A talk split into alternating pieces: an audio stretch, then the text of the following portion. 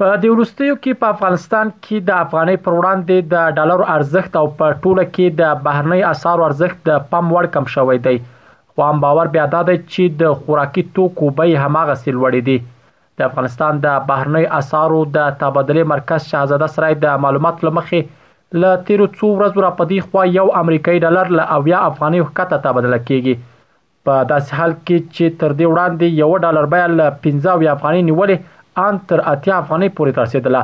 خو لا هم عام افغانان په بازارونو کې د خوراکي او سون توکو له لوړو بیو څخه شکایت کوي. د کابل ښار یو شمېر اوسېدونکو له ایس بي ایس راډیو سره په خبرو کې په دې اړه وویل،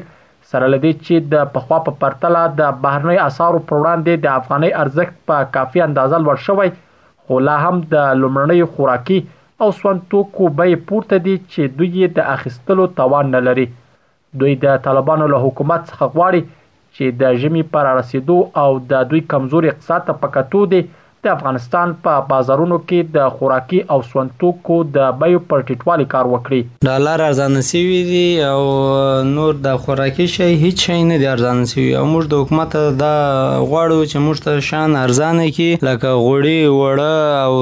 وریځي دغه شیان هیڅ شی نه دي ارزانه سوي او دلته کار هم نسته روزګار هم نسته او موږ ډیر غریب خلک یو د حکومت دا غواړو چې موږ ته یا کار پیدا کی او یا دغه شی راته ارزانه کی. دولت باید پښتنه وکی وروره باید نرخنامه ورکی دی دوکاندارانو ته دخلګو وضعیت ډیر بد خراب ده وروره زما موټر ډیزل ده داده ورور په څلور شپیته روپی باندی زه تیل اچوم هغه ټیم چی هغه ډالر په اته اتیا روپی باندی وو ما په څلور شپیته اچول یو تیل ندی وروره وړی دغسی غوړی دغسی وروره دغه وچه خوراکه ټول همداسی ده وروره دافغانستان خلک ډیر خراب دی ډیر خوږ شوی دی ولاکه دی ماښام په ډوډی باندی حیران دی وروره دا باید دولت ورور توجه ولری باید ورور وګرځی باید وروره بس په اشخاصو کې باید پښتنه وکړي ورور دا ولې ډالر رالوېدلې دی ورور ستا شی په غبای باندې دی ورور په داسې حال کې چې افغانۍ اوس د نړۍ په کچه د باثباته پیسو په نوملړ کې راځي او د تیر یو کال په پرتله یې یوازې د ډالرو په مقابل کې 14 سلنه خپل ارزښت لوړ کړی خو عام باور بیا دا دی چې د خوراکي توکو بیې د پخوا په شان لوړې دي د کابل ښاریانو په وینا کله چې د افغانۍ په مقابل کې ډالر لوړ شي بیې هم ورسره لوړې شي خو له تیرو څو ورځو را په دې خوا چې افغانۍ لوړه شوې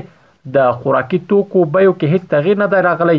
چې اړوند ادارې باید د توکو د بیې کنټرول په برخه کې لازم اقدام وکړي. ډالرو نرخ د افغانیو پر وړاندې باندې ډیر راکم شوی دی خو نرخونه بیا هم نه راښکته کیږي او هماغه شان ته پورته دي. خلک غریب دي، دلته د ښاروالۍ همدارنګه د حکومت د نورو اړخونو مسولیت دی تر څو په خوراکي توکو کې او همداشانته نور چې روغنیات دي یا ساختماني مواد دي د هغو په نرخونو کې ارزاني راوړي ځکه کله چې ډالر یوه روپۍ جګیږي په هماغې ورځ په هماغې دقیقه ساعت باندې توکو نرخونه ورسره هم لوړېږي خو اوس چې دا د ډالر راټیټ شوی او نور هم راټیټېږي تر اوسه په د خوراکي او د سوند او دا نور کوم ضروري مواد چې دي توکي چې دي دې کې هېڅ کمبود نه دی راغلی نرخ یې په خپل ځای باندې ثابت پاتې دی حتی په ځینو شیانو کې چې دی نرخ لوړ شوی دی. بلخوا د اقتصادي چارو کارپوهان هم د توکو په ارزانه کېدو ټینګار کوي او وایي چې د ډالرو په مقابل کې د افغانۍ له لوړېدو سره باید د توکو بیې هم ټیټې شي. په بازار کې نرخونه د تبادلې د نرخ د راټیټېدو له اثره هغه وخت راټیټېږي چې څو شرایط پوره شي. اول، تاجر نن فکر کوي چې دغه راټیټېدل د تبادلې د نرخ باثباته نه دي، او متداومه نه دي او دغه تبادلې قیمت موقتا راټیټ شوی ده نو تاجر هیڅ کله قیمتونه نه راټیټي بل دا چې تاجر هغه وخت کې د قیمتونو تغیراتو ته آمادګي نیسي چې کله د تبادلې نرخ پر راټیټېدو باندې یو څو وخت تیر شي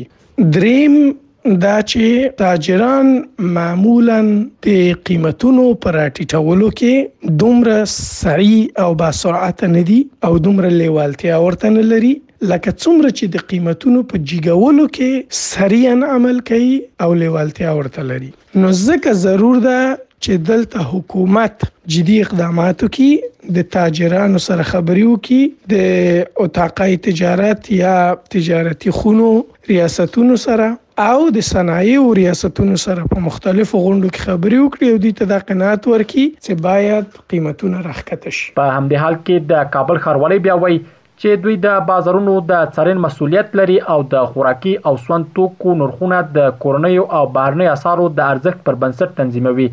د کابل ښاروالۍ ویاند نعمت الله بارکزي اس بي اس راډیو ته په دې اړه وویل، په بازارونو کې د خوراکي او سون توکو نرخونو ته جدي پاملرنه کوي او په خبره یې په بازار کې د احتکار د مخنیوي له کبله هره اونۍ د کابل ښار هټیوالو ته نوې نرخنامې ورکوي. څنګه چې تاسو ته معلومېږي، کابل ښاروالۍ تقریباً دوه کاله کېږي چې په بازارونو کې نرخنامې وېشي او دغه نرخنامې پر ټولو عواملو باندې سوچ کوي، هغه عوامل چې د اولې موادو په نرخ کې تغیرات راوستل، سايسي چې بېلا شکه يوي کرنسي هغه د دالرو ارزش د دالر ارزش کښته سوي دي په عين حال نرخونه هم ډېر کښته سوي دي او هره اونۍ دا نرخنامه نوي کېږي او د کابل ښار په دوويشت ناحيو کې تطبيق کېږي چې زموږ خپل هغه د پيګيري او همدارنګه د څارونکو تيم ورته لرو چې مطلقاً په دوويشت ناحيو کې فعال دي او خپل کارونه مخته وړي. عام افغانان داسي مهال د افغانستان په بازارونو کې د خوراکي او نفتي توکو له لوړو بيو څخه شکايت کوي چې دا مهال ګڼ شمېر افغانان له سختې بېکارۍ سره مخ دي او اقتصادي وضعیت یې ورځ تر بلې د خرابېدو په لور روان دی.